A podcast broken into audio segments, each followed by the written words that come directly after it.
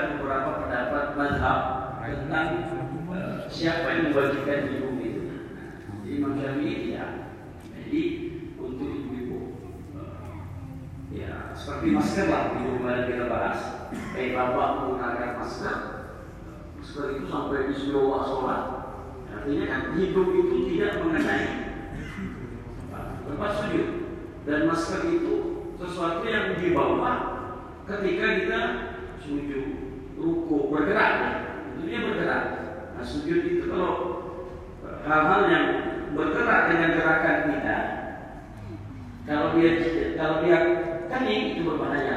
Contoh kemarin orang sholat membawa selendang. Nah selendang ini kan dia bergerak dengan gerakan badan.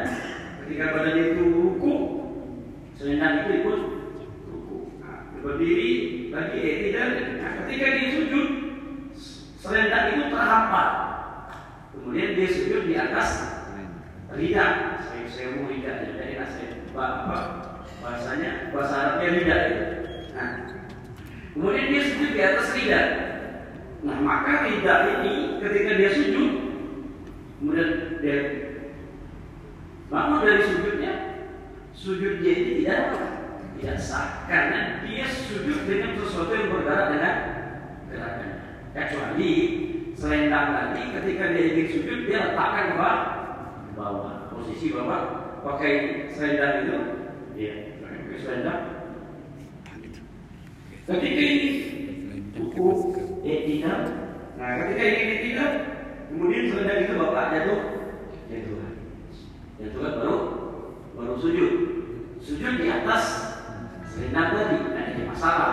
Karena dia bukan karena dia sudah terpisah dengan badan nah, itu, itu yang pertama. Kemudian sunnah untuk dibuka.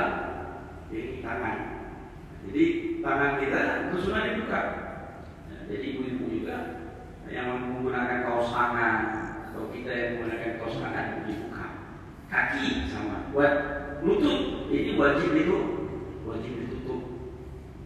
Dan sering makanya mau hati-hati juga kalau sholat pakai ya celana pendek atau celana yang terlampau sunnah.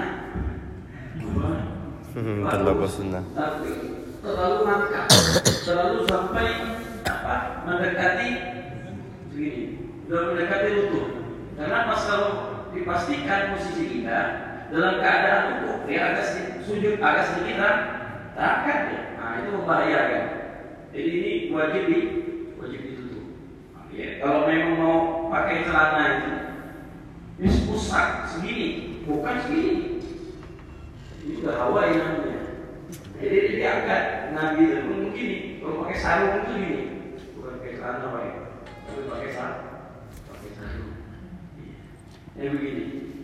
Kalau pakai celana ya kalau pakai sarung ya begini. Jadi di, di apa? Di pusat separuh daripada betis. Nah itu pakaian Nabi Shallallahu Alaihi Wasallam. Jadi Nabi tidak mau menggunakan pakaian itu sarungnya itu atau baju gamisnya, jubahnya itu di bawah mata kaki. Nah itu kebiasaan orang jahiliyah, orang-orang Arab terdahulu. Dia kalau pakai baju itu, pakaian jubahnya itu lengser. Lengser. Dan itu menunjukkan bersarang. Kata bersarang. Nah, itu orang-orang jahiliyah.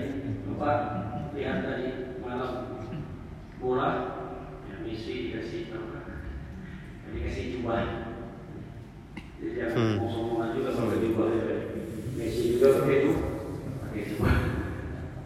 Dan jubah bersarang gitu kan. Ya dikasih. Bapak lihat presidennya itu, presiden Qatar itu pakai jubah. Jubahnya kan tidak mungkin. Bapak lihat jubahnya itu segini. Tidak. Karena adat orang dulu Arab itu dengan kebanggaan dia itu pakai jubah besar sampai dan Nabi tidak mau pakai jubah seperti itu. Nabi agak sedikit diangkat di atas mata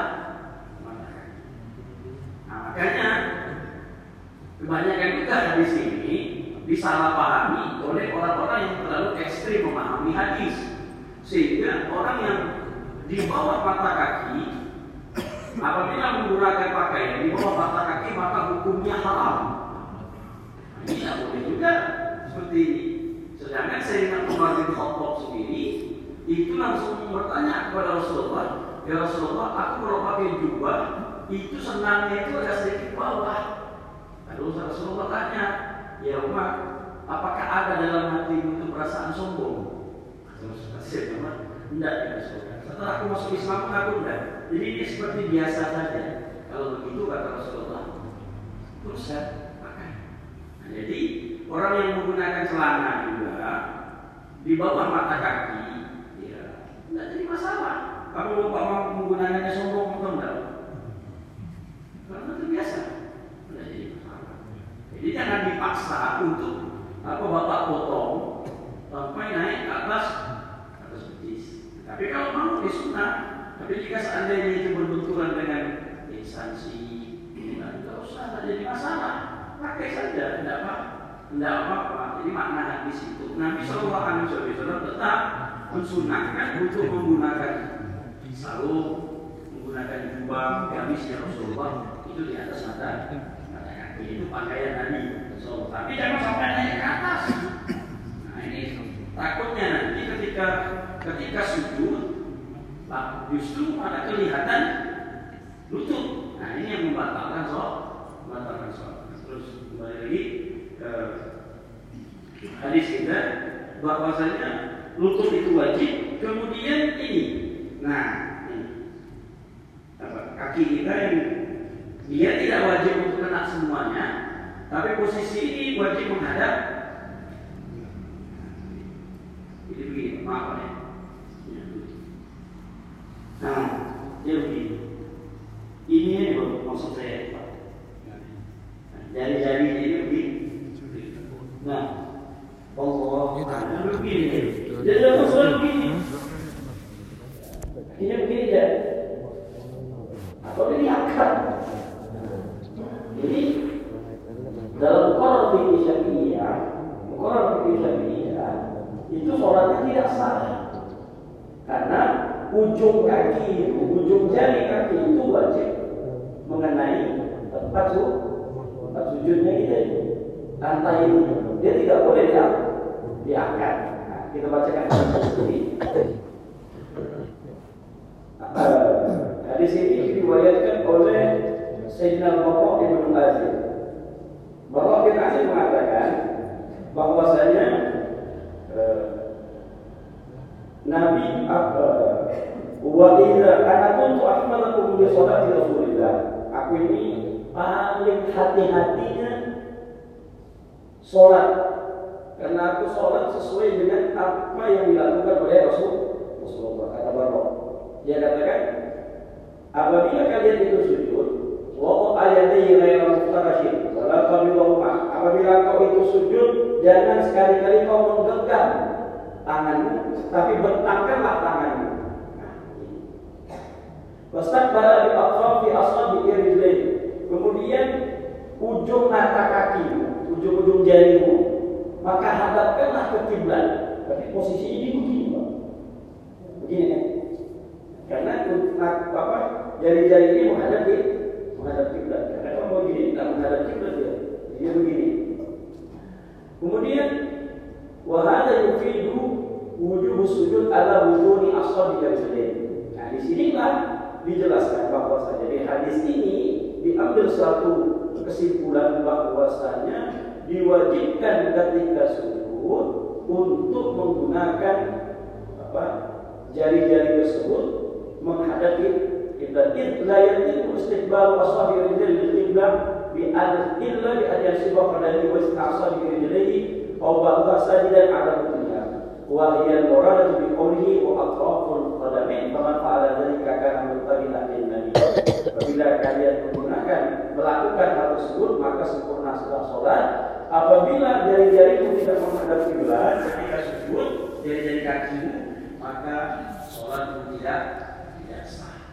Ini ini mukoror. Saya pernah minggu, minggu kemarin saya katakan ini mukoror dalam dalam fikih ini mukoror. Jadi kalau seandainya kita kasih option yang kedua pilihan itu.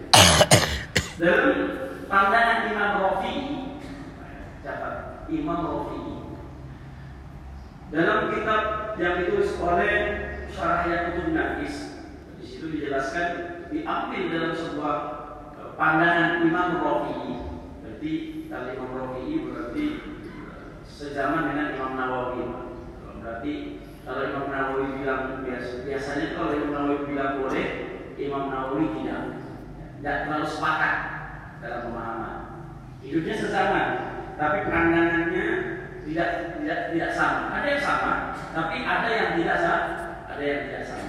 Jadi mana yang dipakai boleh-boleh saja dipakai. Tapi dalam dalam fikih dua-duanya mazhab Imam Syafi'i, Imam Nawawi, Imam Syafi'i, Imam Rafi'i, Imam Imam Syafi'i. Apabila dua-duanya ini berselisih pendapat, maka yang diambil itu adalah pendapat yang paling terkuat adalah Imam Nawawi. Imam Nawawi. Kenapa? Karena Imam Nawawi dalam segi hadis itu sangat sangat kuat. Makanya Imam Nawawi pendapatnya yang Nah, tapi apakah pendapat Imam Rafi'i itu salah? Tidak, tidak sama. Jadi kalau seandainya Imam Rafi'i mengatakan yang wajib sujud itu hanya kelima. Ini. Nah ini untuk orang awam. Misal bapak ibu melihat imam, melihat imam, mungkin bapak sholat di kampung, di pedalaman, atau di mana saya mungkin di kota tapi bukan di masjid-masjid di masjid yang umum. Dan kita tidak tahu. Kita sholat tahu-tahu terjebak lihat dia sujud kakinya maka dalam mukoror yang kuat yang kita pelajari ini kakinya. Tapi berarti sujudnya tidak tidak sah lalu bapak membatalkan. Dan begitu? Dalam batalkan yang sholat karena mau tidak mau ketika makmum meyakini imam itu batal berarti bapak apa? Batal otomatis. Tak bisa bapak langsung ikut. Karena sudah yakin imam itu batal. Nah pandangan seperti ini menyikapinya dengan apa? Ya ilmu jangan jangan ekstrim keras tapi tak berilmu makanya saya kasih pilihan jika seandainya nanti melihat awam, awam masih berbicara awam ini, karena ini pendapatnya tidak terlalu kuat. Kalau dalam ilmu fikih namanya itu qaulul azhar. Azhar itu pandangan yang yang tidak kuat karena lawannya itu asok lebih kuat nanti. Itu lebih itu kaidah-kaidah fikih nanti. Nah, jadi pendapat yang kuat itu batal, tapi pendapat yang tidak kuat itu tidak batal. Tidak batal. Nah, yang tidak batal ini digunakan untuk ketika kita melihat orang ah. Tadi melihat itu. Lanjutkan terus. Kenapa? Ya ambil pendapat yang kedua yang walaupun lemah tadi, asalkan kita tidak membatalkan sholat. Kan enak. Asalkan kita tidak membatalkan sholat. Sesuai saja sholat. Tapi kalau seandainya kita itu berada di masjid, masjid itu tempat kita, di situ kita sholat lima waktu, tegur tapi tegurnya pelan-pelan. Imamnya begitu. Dia dekat sama kita.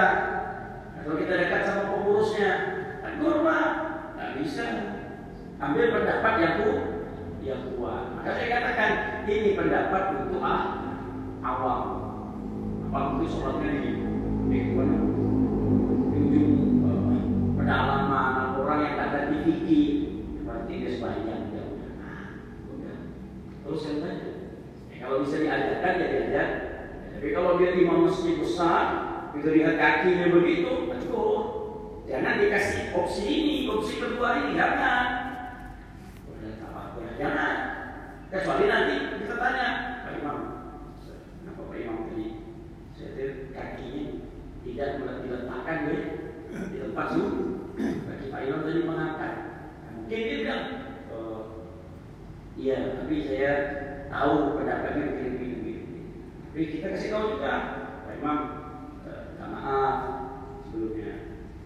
Tapi sifatnya diskusi. Ya. Kalau barang bab ini, kalau untuk orang umum lebih baik kan jangan. Dan begitu kan malah berbahaya. Sebab ini kan berbahaya. berbahaya. Tidak semuanya Pak, tidak semuanya ngerti, tidak juga semuanya Pak paham. Orang pahamnya apabila kaki itu diangkat hukumnya Pak batal si ibu bapak silahkan lihat YouTube lah. Jangan lihat YouTube. Pasti ini Pak itu kan kaki diangkat hukumnya bah batal.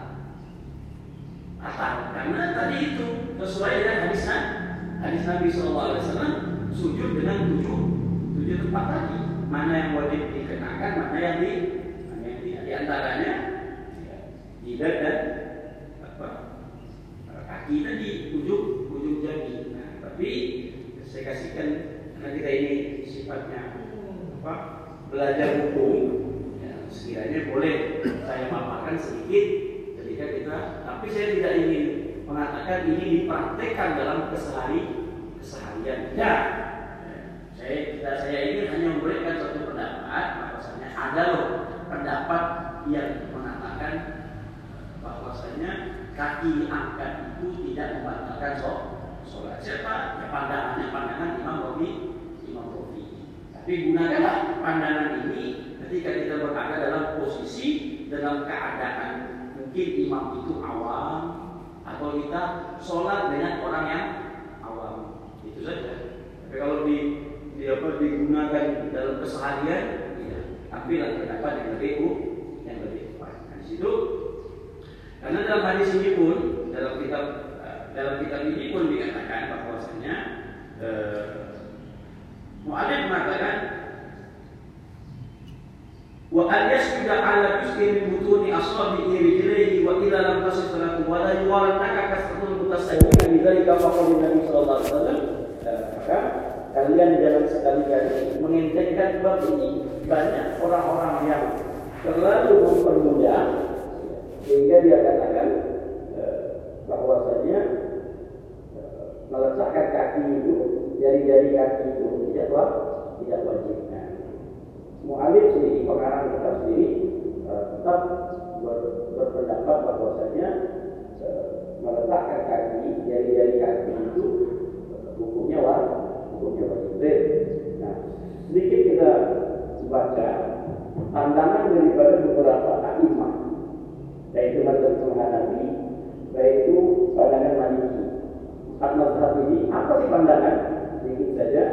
Eh, di sini dikatakan yang pertama, wal wajib tidak malikiyah sujudu ala aisar min al jabah. Pandangan Malikiyah, pandangan Imam Malik bahwasanya uh, wajib itu hanya sedikit saja daripada kening. Jadi kalau dia kena sedikit saja, dia tempelkan sedikit. Jadi misalkan ada orang Imamahnya begini, dia pakai sorban. Buka dan bentuk itu sorban itu kan begini ya. Baik. Kemudian dia melewati alis di keningan sini. Hanya dapat sedikit saja sini, masih ada sisa keningnya sih, sisa sedikit. Dia bungkus hal-hal itu. Se nah, masih ada sedikit sih di sini. Sedikit ya ini masih nampak keningnya itu masih masih nampak sedikit sah.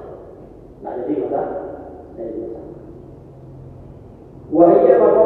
Wahia maqabal hadwain wa baina wa baina al-jadinain wa yudabu yasqutu jami'ul jabha bil ardi wa tanqimuha. Maka Imam Syafi'i, maka Imam Maliki ketika sujud itu semuanya itu ditekan ke dalam. Jadi kena semuanya. Itu sunnahnya. Jadi sujud itu ditekan ke dalam. Biar dikena semuanya. Nah. Wajib dan sujud ala anfi aywan. Ini hidung ini sunnah. Jadi sujud ini pun kena hidung. Kenapa? Ya. Di kening dan hidung itu kena sunnah. Tapi mana yang lebih dahulu diletakkan? Ya gantung bang. Kalau hidungnya mancung, pasti kena hidung dulu. Kalau hidungnya tergesok, ya pasti kena kan? Jangan maksa. Hidung dulu, baru kening. Kalau hidungnya mancung, hidungnya ini, kan tak mungkin dia. Pasti kena ya. Ketika turun kena, kena hidung dulu pak. Kan tak mungkin dia. Kalau rata-rata orang Indonesia gitu, begini lah. Kena hidung dulu begini. Lebih maju kan ini daripada daripada hidung kan gitu. Tapi kalau orang India mau apa panas senyum gitu, oh, begitu. Tapi kalau orang Arab kita boleh. Kita asli dah. Kita begitu. Kita mungkin ya. Jadi apa udah udah hilang. Sudah membawa berapa Lalu kata kata Imam pandangan Imam Maliki mengatakan wa yuqidu salat terkait dua puluh Nah, wal masyhur la mura'atu liman yaqulu bi wujubi. Kenapa Imam Maliki menjaga karena ada yang mewajibkan hidung. Ini saja. Pandangan ada yang mewajibkan hidung. Tapi mazhab Maliki hidung tidak wajib. Tidak wajib. Lima yakul biwujudi. Kalau saja dah ala jabalihu nanti lam yakfi. Wal masyhur fil madhab annahu yujibu sujud ala jabal bi khilafil amal. Wa in karena ada yang mewajibkan. Jadi kening dan hidung itu wajibkan. Wajibkan. Jadi Imam Imam Imam Maliki mengatakan sudah kenakan saja menjaga. Tapi aku tidak mewajibkan mensunah hanya mensunahkan hidung itu ke hidung itu ke itu pertama. Yang kedua, wa zakara Syafi'iyya wal Hanafiyya wal Hanafiyya. Ini langsung tiga mazhab. Imam Syafi'i, Imam Hanafi, Imam Hambali. Anna man mana musliham ani sujud ala ardi aw manha ma'limam. Kalau sujud ala syai'in min insan, istadda dia balik amma sujud ala jadain wa rukbatain wa atrafal qadamain bahwa sunnah. Di sini dikatakan sujud apa ala jadain wa rukbatain idza sajada al-afsal jama'a satu arab wal muqaffam wa rukbata wa badana. Wa tafaqa ulama ala anna sujud al-kamil yakunu ala sabatil aqwa. Al-wajhu sepakat para ulama bahwasanya sujud itu dengan tujuh anggota wajah, kedua belah tangan, dua belah lutut, kemudian kedua belah kaki serta ujung kakinya. Bagaimana hadis Abdullah bin Abbas tadi yang kita baca. Kemudian wala yakfi wala khilafa ala sunnahul jamaah wal mustahab. Sepakat di sini mengatakan bahwasanya wala khilafa ala sujud majmu'ul jabhah wal adab mustahab. Sepakat para ulama sepakat bahwasanya yang wajib itu kening tapi hidup itu tidak wajib tidak wajib hidup itu tidak tidak wajib ada yang mewajibkan hanya beberapa saja.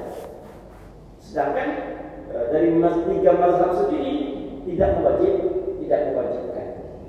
Lalu Watafaqal Hanafiyah Wala khilaf ala sujud majibul jab awal al-musad Wa naqala ibnu mujid ijma' sahabat an la sujud ala kanaf wahdah Sama tidak boleh tidak sujud dengan hidungnya. Tidak bisa. Tidak boleh. Watafaka ala ulama wa hanafi wa ghairu ala anhu idza annahu ini kutasra fi sujud ala jabla duna anak jaza lakin qala Abu yukai kusoli yusalli baina jabla wa baina al ini in kutasra ala lima jaza wa yuqra. Nah, pandangan Imam Hanafi, pandangan Imam Hanafi sujud bahwasanya kening dan hidung itu dia boleh pilih mau dengan kening atau dengan hidung. Tapi makro dia sujud dengan hidung, tak pakai kening. Boleh. Tapi mazhab Imam mazhab kita tidak. Makanya Imam Maliki tadi mengatakan menggunakan untuk untuk hidup, tapi tidak wajib. Tapi Imam Hanafi apabila orang itu memilih antara kening dan hidup, boleh-boleh saja. Ibnu Khajar musalli bainal jabal wa bainal anam. Fa ini tusir arahan hanima dia dari Rabbus diterus. Tadi dan di riwayat Sahihah di hadis Ibnu Abbas bin Mas'ud. Ya anna dzakara jabal wa asyara ila anam. Kenapa? Imam Hanafi memaknai kening itu muka berarti kalau muka itu berarti kena ke hidung satu paket Pak. Orang sujud itu berarti satu apa? satu paket. Jadi ya terserah mau kena hidung ya bisa, tapi ini kemungkinan besar ya tadi itu. Kalau orangnya hidung berarti kan mancung betul hidungnya. Kalau hidungnya tidak mancung dipaksa kena hidungnya. Kayaknya kita tak bisa lah. Ini begini. Tapi lebih lebih tinggi ini daripada ini. Kalau hidungnya mancung masih mungkin. Mancung betul gitu. Bisa mungkin. Nanti hidung dulu ya yang kena daripada daripada ini kalau itu tidak usah dipikirkan itu bukan pendapat Imam Syafi'i. Itu pendapat Imam Hanafi. Saya berikan ini kalau kalau nanti ada yang apa mungkin dengar dari YouTube atau dengar dari ustaz-ustaz itu kami bingung ustaz juga begini tapi mau bilang begini oh, saya kasih pandangan bahwasanya itu bukan pandangan mazhab Imam Imam Syafi'i. Syafi'i tetap tadi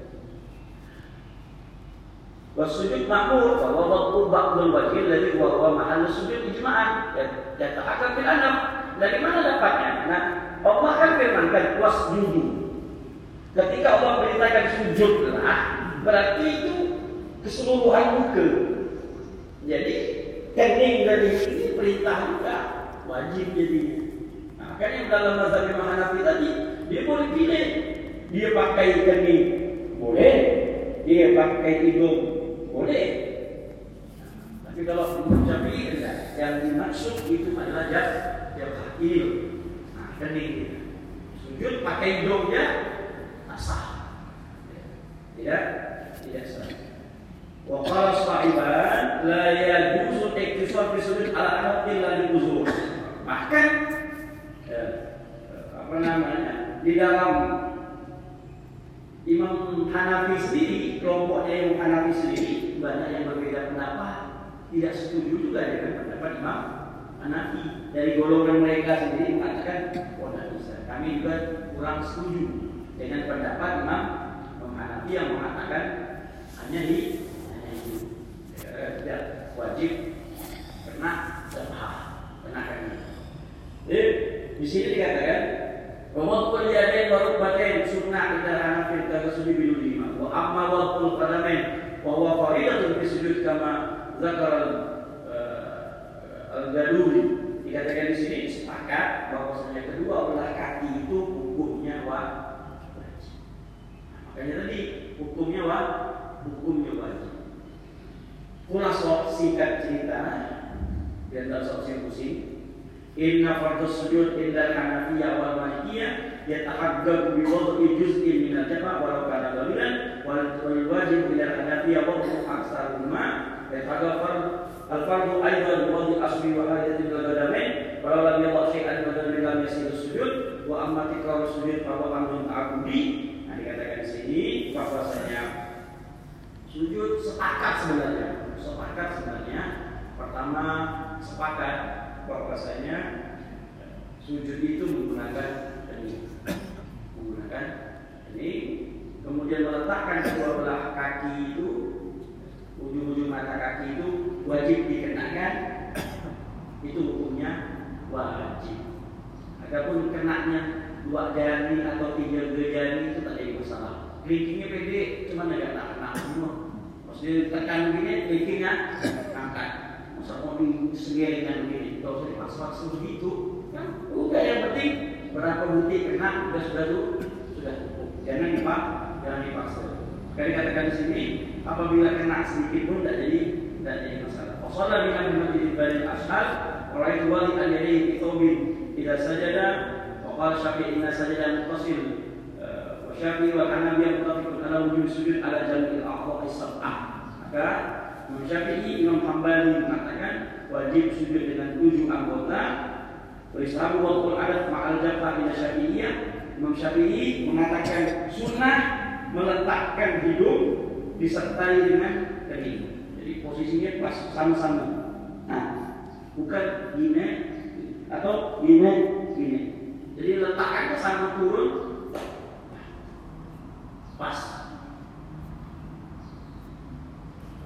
Laki yajib tidak Hanabila wa tidak anak. Nah, Imam Hanabila mengatakan wajib meletakkan sebagian daripada Makanya ada waktu itu Ustaz yang mengatakan orang pakai masker itu sholatnya tidak sah. Saya lihat di YouTube itu. Nah, saya kemungkinan itu Ustaz belajarnya di di Mekah. Dia belajarnya di Saudi, di Saudi yang bermasukkan Imam Abah. Jadi eh, sehingga dia katakan orang yang pakai masker itu sembahyangnya tidak tak sah. Kenapa? Karena hidungnya tidak menyentuh tempat sujud. Tempat sujud. Kan begitu? Menyikapi dia tidak salah. Dia tidak salah. Kalau dia berpandangan dengan masa imam. Salahnya dia dia lagi berbicara kepada orang yang bermadhabkan imam